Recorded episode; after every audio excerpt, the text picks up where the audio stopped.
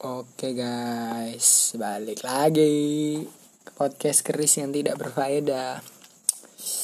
Uh, hari ini, uh, udah sesuai uh, yang aku ngomongin dulu di snap snapgram. Aku mau podcast kan, tapi nggak tahu kena ngapain. Jadi aku tanya teman-teman kira-kira aku bahas apa. Oke dari hari ini uh, ada yang nanya soal musik gereja gitu ya aku juga bukan bukan orang yang ahli ya maksudnya. Ya cuman ya adalah di dalam lingkungan musik gereja. Jadi mungkin bisa jelasin sedikit buat teman-teman sekuler yang nggak um, tahu bedanya musik gereja sama musik sekuler. Pertama tuh musik gereja tuh emangnya alirannya ke arah mana sih? Apa dia mainnya pop? Apa gimana gitu? Uh, sebenarnya sih uh, kalau musik gereja tuh nggak setauku sih nggak ada aliran arah arah tentunya ya. Kecuali misalnya gereja itu kan banyak alirannya gitu apalagi kayak di Kristen kan ada dari uh, Protestan uh, Pentakosta sama uh, karismatik gitu. Jadi musiknya tuh tiap aliran ini beda-beda. Kalau misalnya di Protestan itu Protestan sama karismatik udah jelas beda lah musiknya. Kalau di Protestan ini ya biasanya tuh dia musiknya itu dia lebih ke, ke arah yang kusyuk gitu. Jadi biasa kalau di gereja-gereja itu biasa mainnya organ atau keyboard tunggal. Jadi musiknya tuh nggak yang rame rame banget. Sementara karismatik ini aliran yang muncul udah jauh setelah itu dia lebih dinamis ngikutin perkembangan zaman gitu. Jadi musiknya tuh nggak ada uh, apa ya setahu tuh masih dia fleksibel lah. Jadi ng ngikutin kayak sekarang tuh ada planet shaker ada banyak ada yang EDM ada yang jenisnya pop rock ada yang lagu-lagu yang jazzy juga ada. Dan kan kalau di kalau misalnya gereja lama gereja yang masih pakai kidung gitu biasa dia kan aransemennya nggak bisa diubah dia ngikutin sama yang udah ada di partitur jadi ya itu kalau yang gereja-gereja lama uh, aliran yang udah udah tumbuh dari zaman dulu tuh dia biasa udah ada patokannya gitu nggak bisa lagunya juga apa ya tidak tidak sebanyak orang yang karismatik baru lah bisa dibilang. Maksudnya dalam artian lagu mereka tuh lagu dari zaman dulu sampai sekarang. Sementara kalau yang karismatik nih dia adopsi terus lagu baru gitu. Kira-kira ya. Habis itu uh, apa sih emangnya bedanya kalau main di gereja sama sekuler? Nah bedanya kalau misalnya ini banyak temanku yang anak band tuh yang nanyain gitu. Apa sih bedanya? Uh, kalau di main di gereja itu dia yang jelas uh, dia lebih nge apa ya lebih ngeblend. Dia nggak bisa kita nggak bisa menonjol. Kalau misalnya kita main di band kan uh, pasti ada apa ya masing-masing ada ego uh, sendiri untuk ya mau show off mau kelihatan gitu. Sedangkan kalau di di dalam musik gereja tuh uh, kita memang di disuruh main untuk supaya ngeblend gitu biar gabung semua sama yang lainnya. Jadi supaya koheren musiknya biar apa nyampe ke jemaatnya juga enak gitu.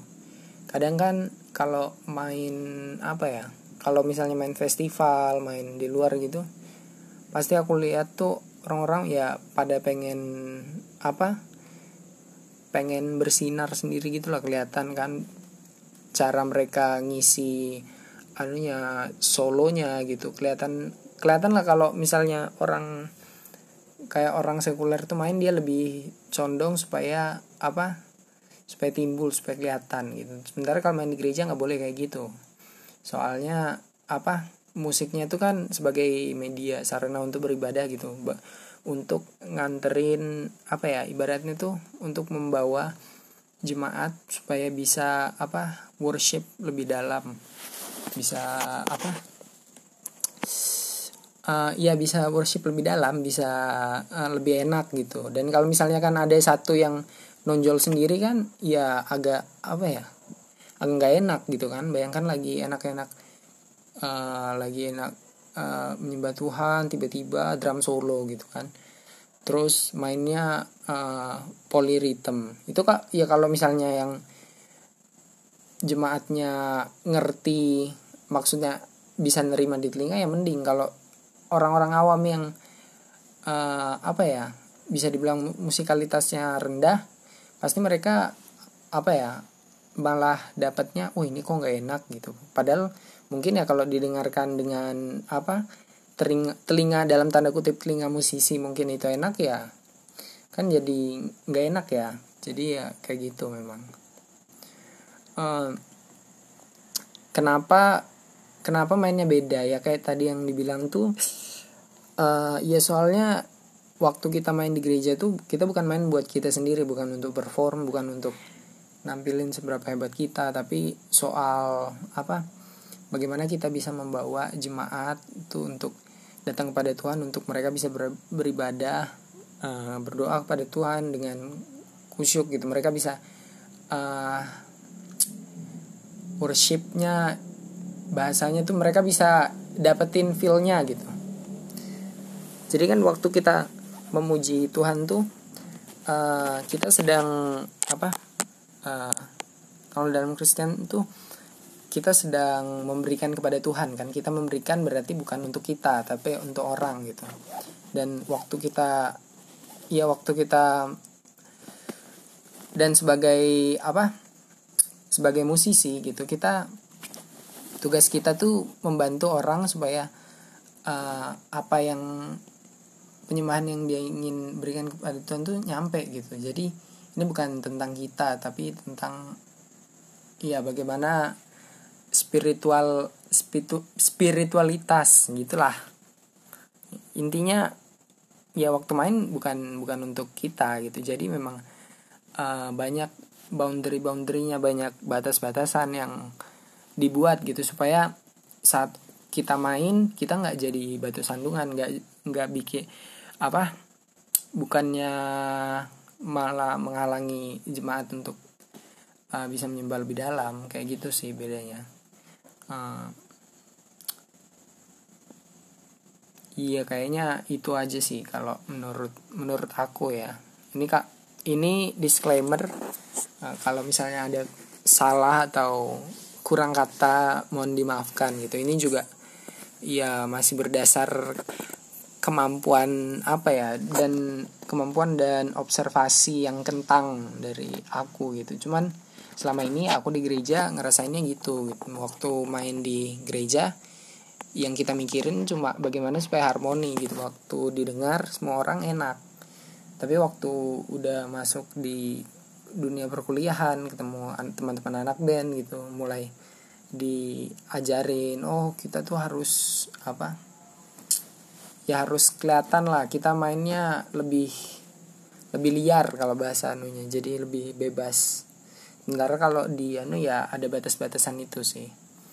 Sebenarnya bukan berarti bukan berarti di dalam anu ya bukan berarti di dalam gereja tuh kita uh, menentang poliritem. Kita menentang jazz kita menentang uh, reharm reharm reharmonis reharmonis yang susah gitu. Cuman ya kembali lagi tergantung jemaatnya. Kalau misalnya satu gereja itu musisi semua jemaatnya yang mengerti musik mau lagunya dibawa uh, temponya poliritem juga kayaknya masih masuk masuk aja. Cuman kan masalahnya apakah itu apakah musik yang diberikan tuh bisa semua orang bisa denger nggak gitu? Itu aja sih. Makanya mungkin yang dilihat teman-teman tuh kalau di gereja tuh wah ini kok anu apa begini aja gitu. Tak kira pemainnya bakal solo-solo. Sebenarnya itu sih patokannya. Itu juga mungkin kalau kayak di gereja di gereja di sini uh, apa ya youthnya tuh kelihatan lebih anu sih apa lebih kalau di youth tuh ada pakai apa ada pakai sequencernya ada IDM-nya sementara kalau di ibadah umum tuh nggak ada.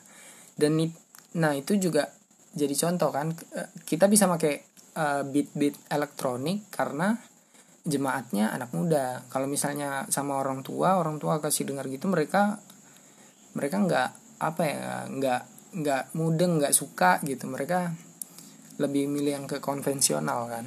Makanya. Jadi perbedaannya di situ sih. Hmm, oke. Okay. podcast hari ini sampai di sini aja ya kawan-kawan. Uh, sehat selalu ya. Uh, jangan lupa uh, sosialisasi sama teman-teman supaya nggak gila di kos. Oke? Okay? terima kasih. God bless you